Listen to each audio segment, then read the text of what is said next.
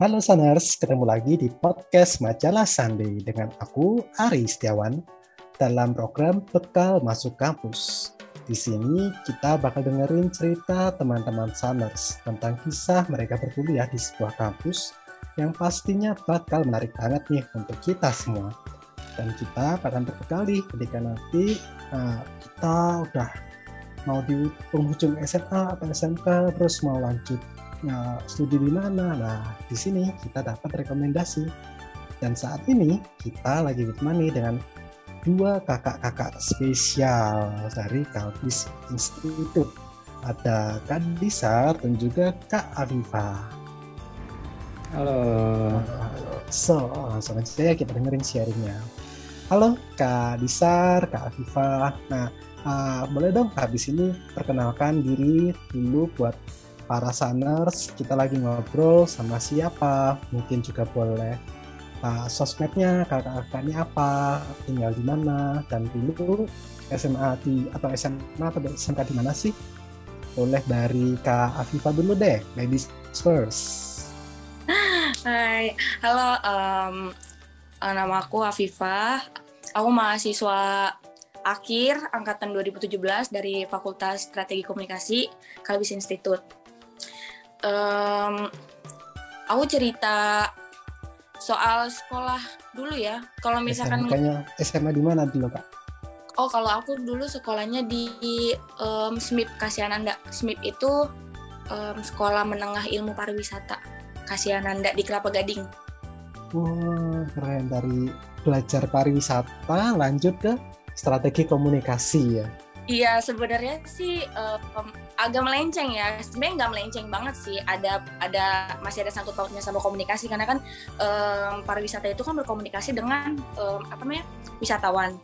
Kalau hmm. beda kalau strategi komunikasi ini aku um, ber, apa berkomunikasi dengan audiens dengan masyarakat gitu. Oke.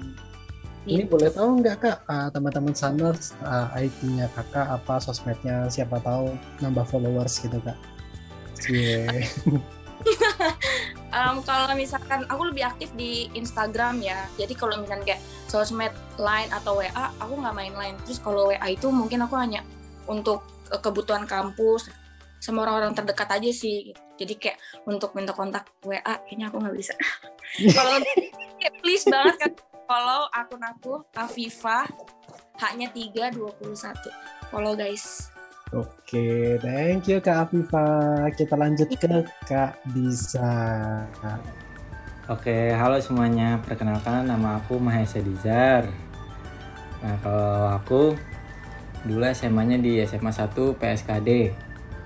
SMA 1 PSKD terus hmm, jurusan yang aku ambil dulu sih bahasa jarang tuh ada dulu apa ada SMA yang jurusannya bahasa. Kan kebanyakan jurusannya tuh IPA sama IPS nah ini IPB jadi aku ngambil bahasa.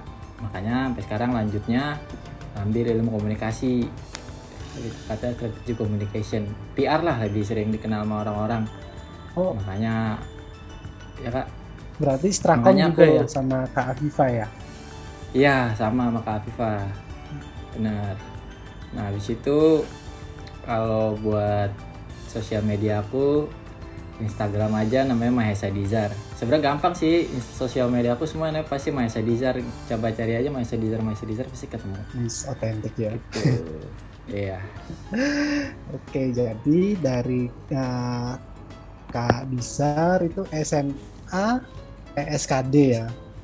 Iya, SMA 1 PSKD. SMA 1 PSKD itu di, di daerah di daerah Jakarta Pusat, Pangeran Diponegoro. Oke. Dekat Rumah Sakit Cipto Mangunkusumo. Oke, kalau Kak Afifa dulu itu SMK untuk pariwisata ya, benar ya? Betul. Oke. Terus mau tahu dong nggak dari latar belakang kakak dulu SMA, SMK gitu, gimana sih bisa tahu namanya Kalbis Institute itu dan gimana ceritanya sampai bisa belajar di sana karena kan uh, ya kita tahu mungkin banyak pilihan tuh kampus-kampus lain tapi ceritanya kok bisa wah akhirnya di Kalbis Institute ini siapa dulu nih Jo? aku atau Rizar? boleh gantian deh Rizar dulu deh oke boleh aku duluan ya nah kalau aku tuh tahu dari Kalbis sebenarnya awalnya tuh aku pengen eh, jalan-jalan berdua sama mama aku nah terus pas di tengah perjalanan kan di situ posisinya aku lagi naik eh, taksi online. Terus dia ceritain oh anak saya kuliah di Kalbis gitu-gitu. Terus saya dengerin kan ceritanya. Habis itu pas dengerin kayaknya menarik juga nih. Karena posisinya di situ aku masih kelas 2 SMA nah terus kakak itu eh, udah kelas 3 jadi dia udah pengen kuliah lah. Sempet dia kan pengen ngambil jurusan desain tuh. Nah cari-cari sempet mau pilih beberapa kampus. Akhirnya aku dengar cerita aku kasih tahu kak cobain di Kalbis deh gitu. Dicoba ternyata ada nih jurusan yang dia pengen. Udah ada dicoba ikut tes di situ keterima. Nah karena emang dasarnya eh, aku dari dulu bahkan dari kecil sampai SMA terakhir kan jaraknya cuma beda setahun. Katanya udah deh masuk kalbis saja walaupun eh, berangkat pun beda pulang pun beda tapi maksudnya biar jadi satu aja biar gampang. Nah dari situ kayak aku eh, nggak nggak mikirin kampus lain lagi habis lulus kuliah udah deh kalbis aja kata kakak juga bagus. Terus eh, ya maksudnya nggak malu-maluin juga lah buat kampus. Bisa dibilang kalbis kan baru ya. Kalbis tuh kalau nggak salah berdiri baru 2012 jadi kalau dibandingin sama kampus-kampus lain eh, yang udah pada itu udah pada berpengalaman Jelas beda lah tapi jelas ya nah karena makanya itu aku coba terus aku tes terima ya udah jadi aku masuk kalbis itu sih awalnya aku taunya juga dari eh, supir taksi online itu jadi aku coba di kalbis gitu kalau aku ceritanya. Kalau dari apa ya, berita judul-judul FTV itu uh, kisahku berawal dari ta- taksi driver gitu driver online gitu. Driver online iya. Tapi gara-gara itu direkomendasiin ke kakak Betul. kamu dan kakak kamu Hmm. ngikuti. Nah kamu ngikuti kakak kamu gitu ya? Iya. Ya kebetulan nanya juga eh, lokasinya deket gitu. Hmm. lokasinya deket. Oh ya udah boleh nih karena emang dari dulu nyari yang deket-deket. Udah trauma sih waktu SMP rumah di Jakarta Pusat. Terus sekolahnya harus ke Pondok Gede tiap pagi berangkat subuh terus pulang sampai sore macet. Jadi eh, nyarinya yang kuliah-kuliah yang deket-deket aja sama SMA yang deket Oh, capek. lebih suka yang deket-deket ya berarti uh, kelihatannya desain ini nggak cocok kalau LDR gitu ya Afifah betul. Oh. betul sekali.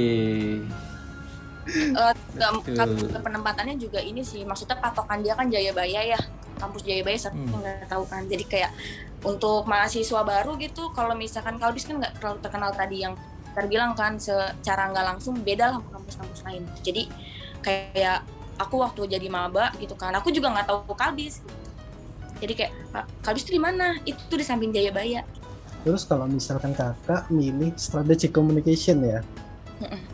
Hmm, itu berarti hampir sama kayak PR gitu ya kayak emang ke PR sih kak lebih ke arah PR ya. ya lebih menjurus ke PR Hmm, kalau di Kalbis itu ada uh, lebih fokus penjurusannya apa aja sih kalau boleh tahu? siapa nih yang jawab aku atau Dizer Dizer Siapa dari aja? Masa, masa jawabannya aja. beda? kalau beda kan lucu.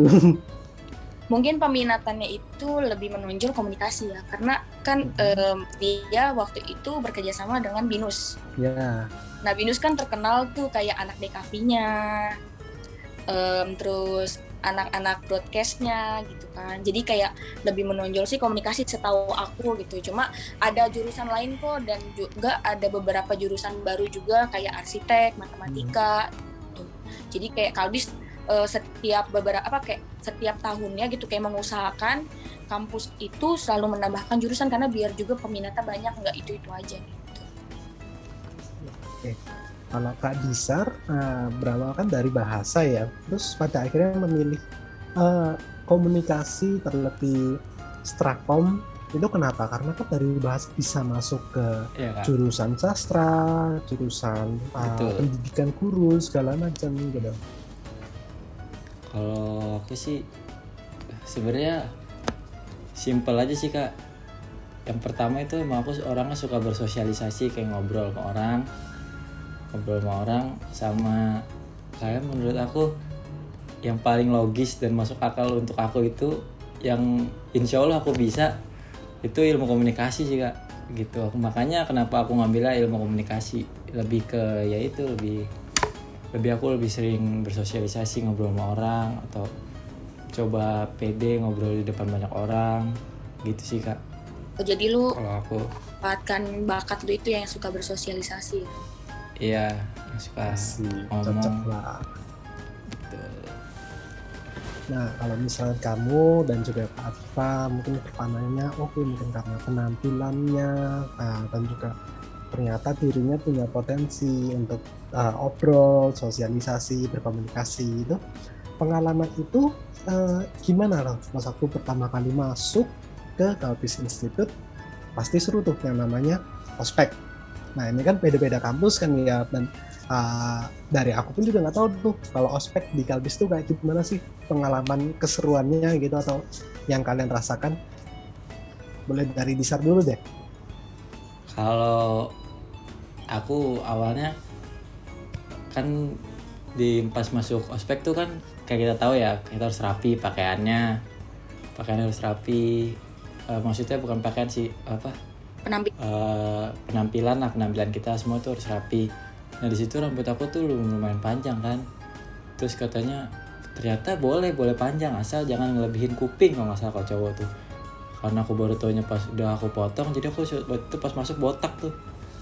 Botak tipis banget botaknya. Tapi untung aja sih untung aja waktu itu eh, pacar aku aku di situ masih punya pacar sih itu waktu itu. Pacar terakhir jadi botak pun dia masih sayang sama aku. Maksudnya kan ada yang botak dia kayak serem Oh, gitu kan. pacarnya. iya justru dia malah seneng kalau aku botak. Unik terus unik kali pun. Mukanya jadi lucu. iya jadi lucu jadi baby face gitu kan. Ini udah tuh akhirnya aku botak kan.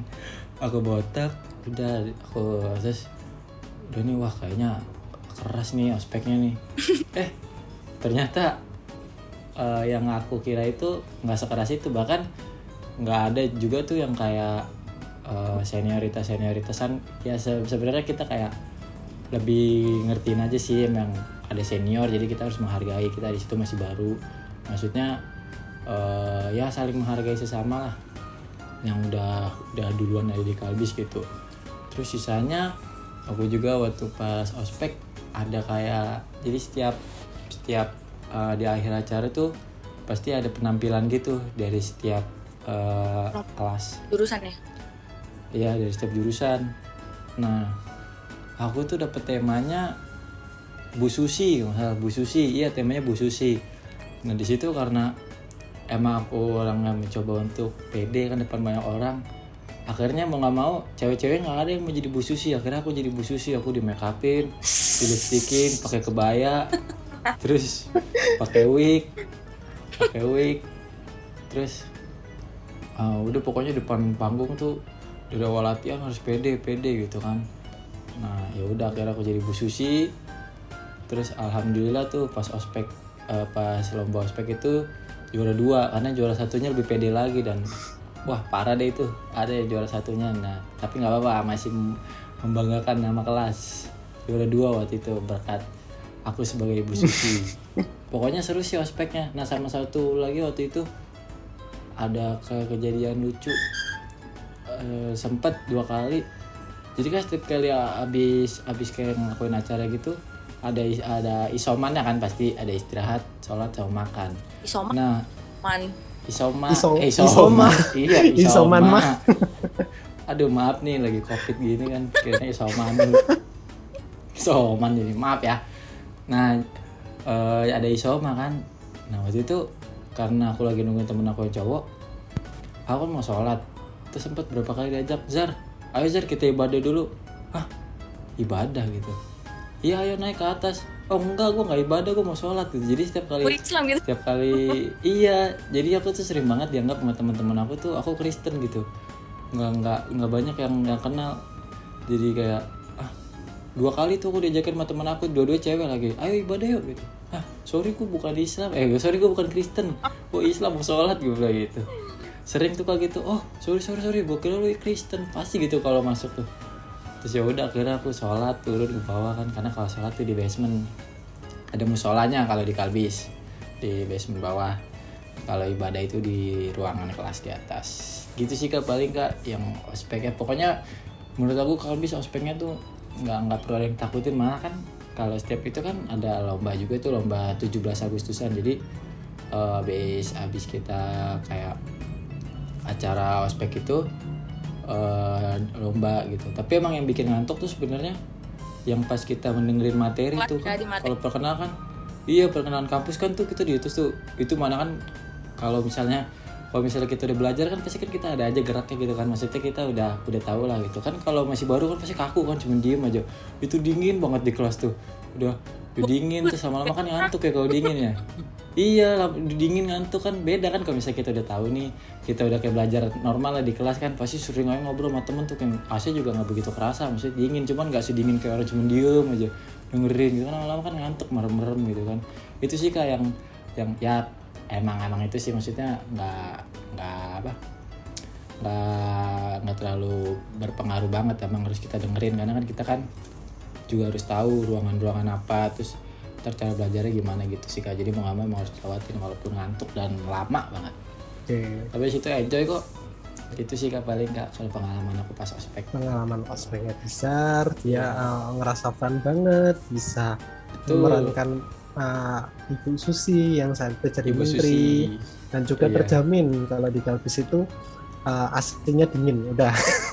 Dingin dingin mantep mantep banget dinginnya. Emang asli dingin bagus lah kalau buat gedung nah. dari Afifa gimana nih pengalamannya yeah. Afifa? Pas dulu ospek atau pernah ospekin dulu? Jangan-jangan pernah ospekin besar gitu ya kan kalau aku mau Viva beda ospek tuh nah. Hmm. boleh tuh Viva cerita ospek angkatan uh, 17 aku kan nggak sebenarnya nggak jauh beda sih sama yang Diza cerita. Kayak udah pasti fun terus juga nggak monoton gitu. Serunya tuh di situ. Nggak kayak apa namanya nggak materi mulu. Kayak ada gamesnya terus juga uh, apa namanya ada drama juga sama di angkatan aku juga ada drama gitu. Kalau aku waktu itu anak strategi komunikasi dapetnya Munir.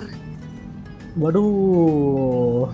Kayak kita memerankan kan kalau uh, Munir itu kan meninggalnya itu di pesawat ya? Di pesawat tuh. Pesawat. Jadi ya gitu. Jadi kita kayak seolah-olah pramugari. Kita kan nggak punya bakat pramugari. Ya jadi kayak masih malu-malu gitu. Kayak ah dorong-dorongan gitu. Kayak ya itu yang bikin seru. Kayak nanti kan jadi penontonnya audiensnya tuh pada ketawa gitu. Kayak um, abis itu em uh, yang soal materi sih eh materi teori astagfirullah. Teori itu emang ngebosenin banget apalagi kalau ketemunya sama dosen yang bener-bener kayak kita diperlakukan seperti bener-bener mahasiswa gitu. Karena kan itu sebenarnya masa orientia orient orientasi. Orientasi. Sebelum ya masa kayak gitu. Jadi kita kayak baru pengen tahu ini tuh gimana sih proses kuliah gitu kan. Uh, ada di satu momen bener-bener aku kayak ditunjuk suruh ngejawab. Itu aku lagi ngeblank sama kayak Dizan lagi kedinginan. Lagi kedinginan jadi kayak ya, emang dingin banget. Kita dia majakan kayak ngeliatin dosen gitu mau gerak ada kakak pembimbing takutnya nanti dibilangnya kayak rusak atau gimana apa berisik gitu kan. Emang tuh kelas sunyi banget kayak yang ngomong tuh udah dosen aja. Gitu jadi aku diem aja kan diam itu lagi ngomongin tentang tentang teori apa ya aku lupa deh. Pokoknya tiba-tiba emang dosen ini tuh uh, kalau misalkan kata aku sekarang yang udah ketemu sama dia berkali-kali ya emang orangnya kayak gitu gitu. Orangnya suka ngejebak gitu. Tapi sebenarnya aslinya tuh dia seru-seru banget. Gitu. Jadi waktu itu aku kayak uh, lagi bengong mungkin dia juga ngelihat kali ya ini anak ini bengong nih gue lagi ngejelasin. Jadi aku kayak coba yang di sebelah sana jawab tadi saya ngomong apa aja itu slide-nya dimatiin. Gitu. Itu momen yang gak akan aku lupain sih kayak gimana aku baru jadi baru mau jadi mahasiswa aku udah digituin. Jadi berarti kayak oh berarti kuliah kayak gini ya gitu. Lu harus bener-bener merhatiin kalau lu nggak tahu ya udah lu terima konsekuensinya gitu. Dan experience itu membentuk seorang Afifa untuk uh, ketika ada penjelasan materi gitu uh, harus berusaha selalu fokus gitu ya itu kayak bener untuk aku kayak nih dengerin kalau dosen lagi ngomong gitu. Berarti kan itu kebiasaan aku waktu di SMA kan apalagi SMA Hebat. SMK itu kan isi cuma main-main doang. Tapi dari nanti uh, kalau kayak kayak penjelasan dosen gitu kan uh, dari kakak-kakak ini udah ada yang semester akhir udah yang tengah-tengah gitu. Mata kuliah yang paling menarik yang berkesan banget buat Kak Afifah dan nanti Kak Disar gitu apa sih yang mungkin uh, selain ngasih uh, ya kan pasti semua mata kuliah ngasih ilmu ya tapi ada value yang seru nih dari mata kuliah ter- ini gitu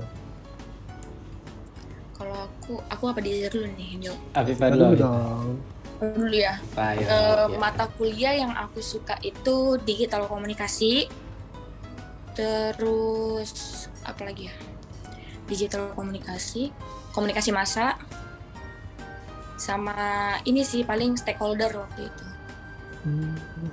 kenapa Nah, tiga mata kuliah itu yang paling berkesan Paling Dari berkesan digital komunikasi stakeholder sih. Hmm. stakeholder itu kan kayak apa namanya kayak berhubungan dengan orang-orang yang berperan juga dalam perusahaan itu kayak misalkan sama eh, penyalur saham gitu Miss Nani itu dosennya ya? kenapa Miss Nani dosennya.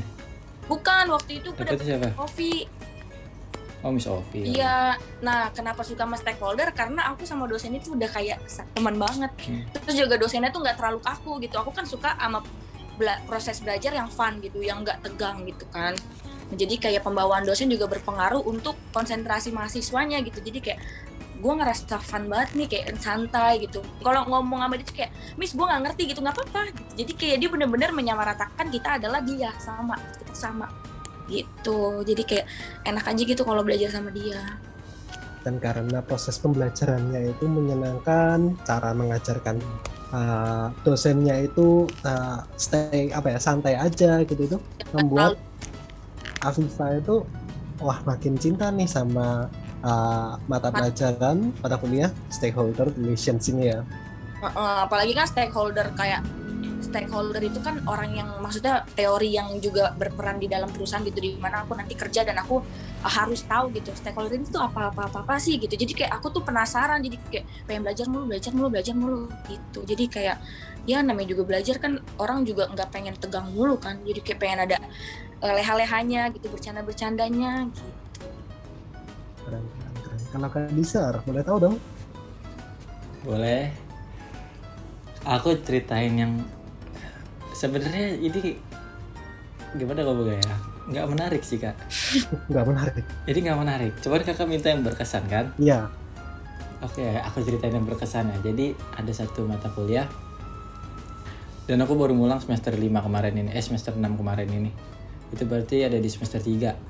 Eh, nah, itu mata kuliahnya etika dan filsafat komunikasi. wah seru tuh dan Wah, seru ini. Ini banget seru gitu. mata kuliahnya. ya kan yang tidak ada Nah. nih mata kuliah ini nih Nah, jadi eh, dengar-dengar dari yang lain, wah belum aja nih ketemu dosen ini nih nih. Nah, di mana dapet nih dosennya ngajarin etika dan filsafat komunikasi. Udah dong, karena aku kan kalau di kelas kadang suka ngobrol gitu kan. Ah, walaupun ngobrol pelan-pelan, tapi dosennya tuh kayak kayak merhatiinnya tuh jeli banget. Aku lagi ngobrol kan tiba-tiba, terus tiba-tiba tegur, itu jangan ngobrol dong di belakang gitu kan sudah dengerin kan udah terus lama-lama makin ke sini kayak eh, makin sering ditegur gitu kan karena walaupun udah diem juga kayak suka nyari iya jadi tiba-tiba coba dong Dizar jelasin itu nah di sini juga nggak boleh nggak boleh telat nih nggak boleh telat. Dikasih telat eh, maksimal tuh 15 menit kalau buat mata kuliah dia. Nah udah dong. Waktu itu aku telat sama teman-teman aku dari ada namanya kandep kantin depan gitu kalau di Kalbis tuh dari situ aku naik tuh telatnya cuma lima menit tuh lima menit kan. Nah karena dia emang orangnya selalu on time jadi tuh pas aku masuk aku ngetok sama teman-teman aku berempat dia lagi ngejelasin gitu kan. Aku ketok masuk pak gitu. Ya silakan gitu. Nah terus baru aja duduk nih. Baru duduk lagi ngejelasin. Coba Dizar eh, jelasin apa yang tadi saya jelasin. Terus terus terus aku diem doang. Terus aku eh, nyolek temen aku kan. Aku nyolek. Apaan gak tahu orang baru masuk. Tuh. Makanya kalau lain kali jangan telat gitu. Langsung disindir-sindir gitu jangan telat.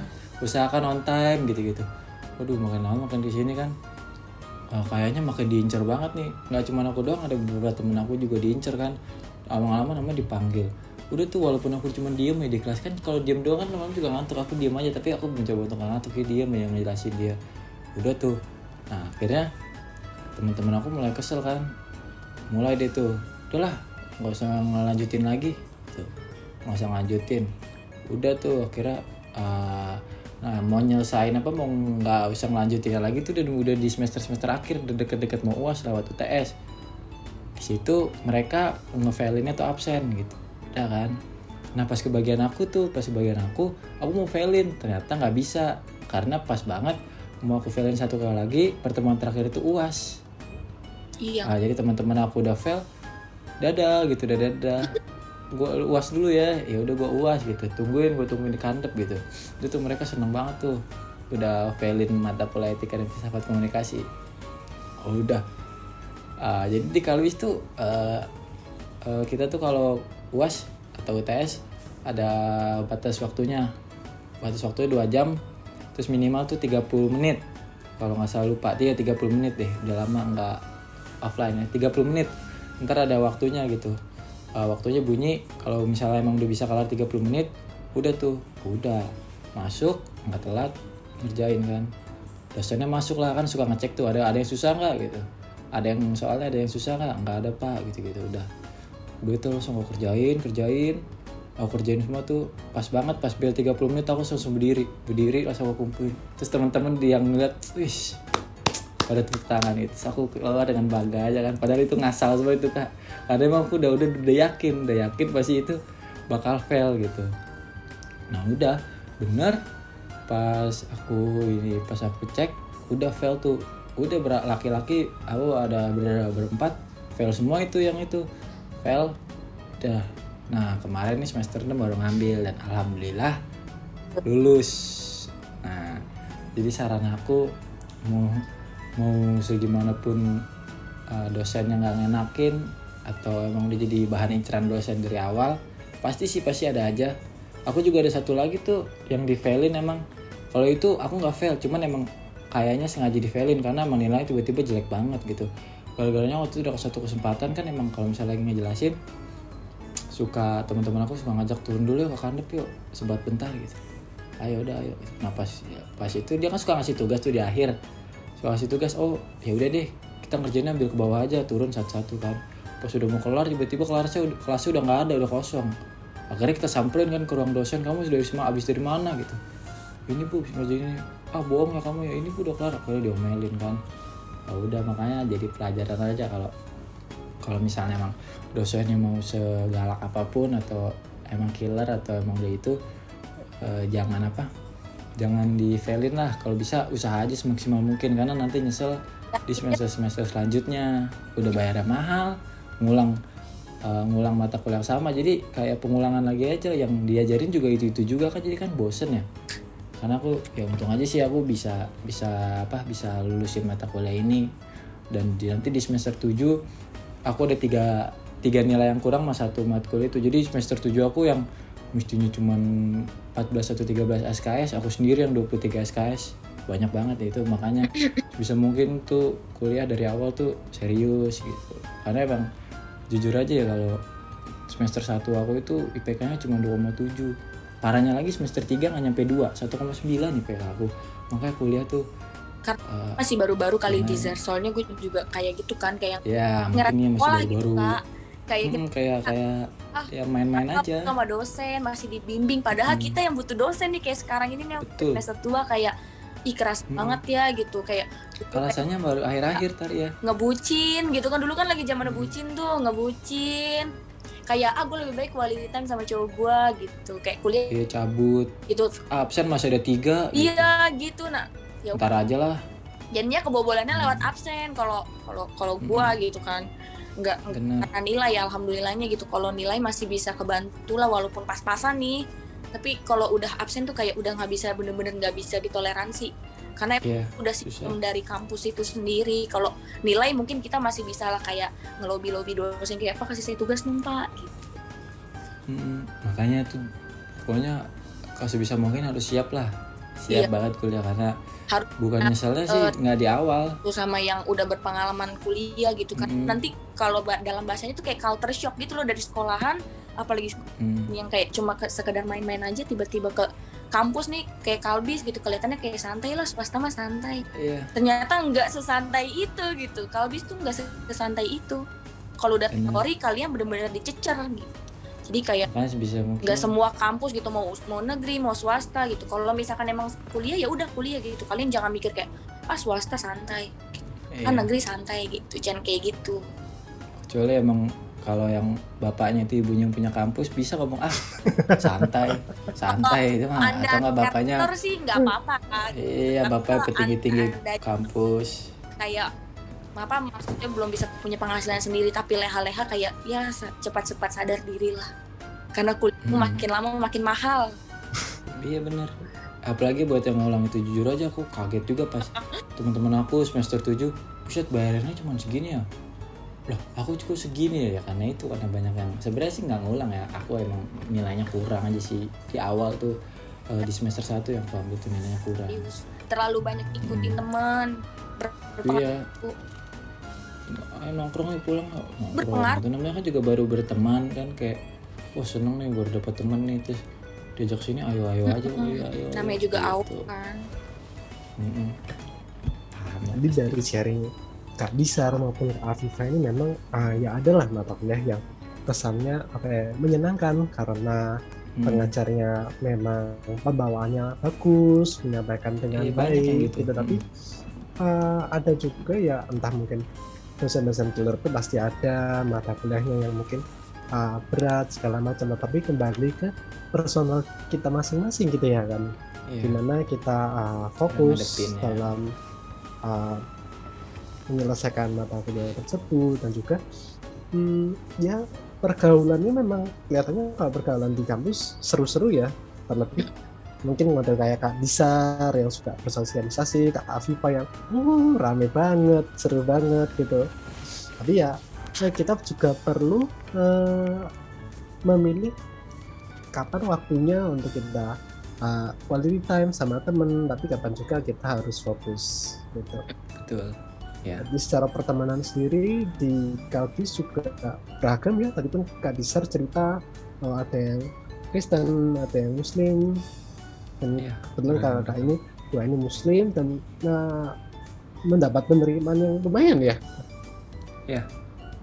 Walaupun tetap kalau toleransi tuh sangat-sangat ini kak bener-bener kayak dipegang banget gitu sama kalbis jadi kayak Natal gitu kan Natal yang nggak cuma orang yang non Islam aja yang nyusun pohon Natal gitu. Kan aku pernah em, nemenin teman gitu. Kalau aku tuh tujuan bukan bukan mau ngebantuin tapi waktu itu nemenin. Karena kan kita sarah gitu kan kita eh, berpulang bareng gitu.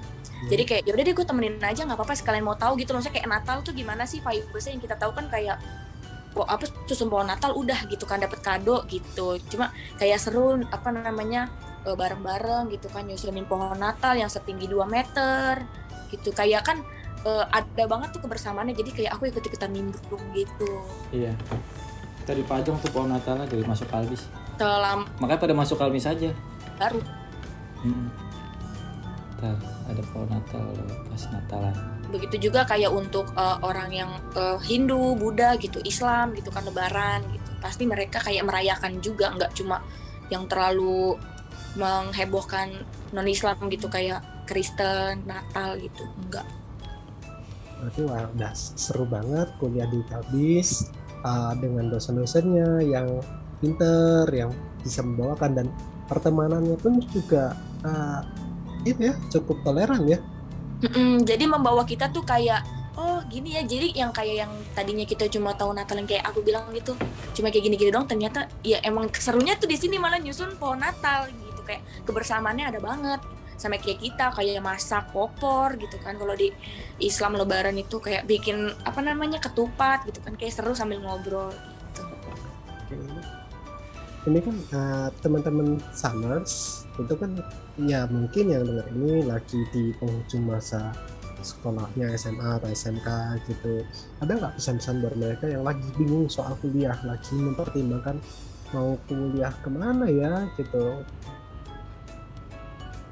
oke. Ayo bisa dari dari aku. Eh bisa saran ya saran buat mereka ya kak saran buat apa para pendengar sanersnya. Kalau menurut aku saran aku yang pertama kalau emang di eh, kuliah tuh siapin dulu eh, mentalnya siapin dulu nih. Terus sama harus yakin sama jurusan yang mau diambil. Atau kalau belum yakin jangan diambil dulu dipikirin baik-baik dulu.